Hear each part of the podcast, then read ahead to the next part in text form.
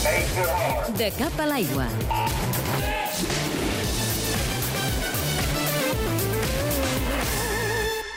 Dels títols més atractius de la temporada perquè tant el format de la competició com la intensitat dels partits garanteixen que la Copa de Waterpolo sigui un títol diferent, especial. El que la fa encara més especial és que el campió sempre ha estat un club català i aquest any la Copa s'ha quedat a la piscina de Sant Sebastià, a la piscina de l'Atlètic Barceloneta.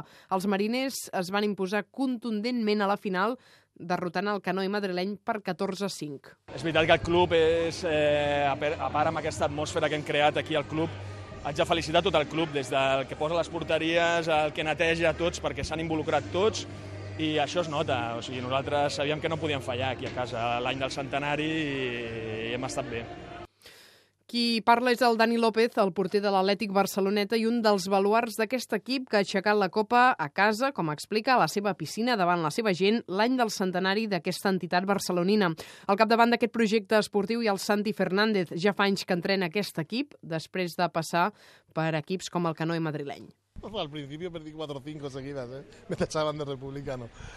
Yo creo que hasta que no vino el Barceloneta no gané la primera, ¿no? Pero bueno, es un torneo y es una competición que es atractiva para no solo para el Barceloneta, para cualquier equipo y, y hemos sido, yo pienso que, que en ese sentido tenemos que decir que justos vencedores, ¿no? Porque la verdad que el, el trabajo que hemos hecho en todos los partidos ha sido importante, sobre todo a nivel defensivo.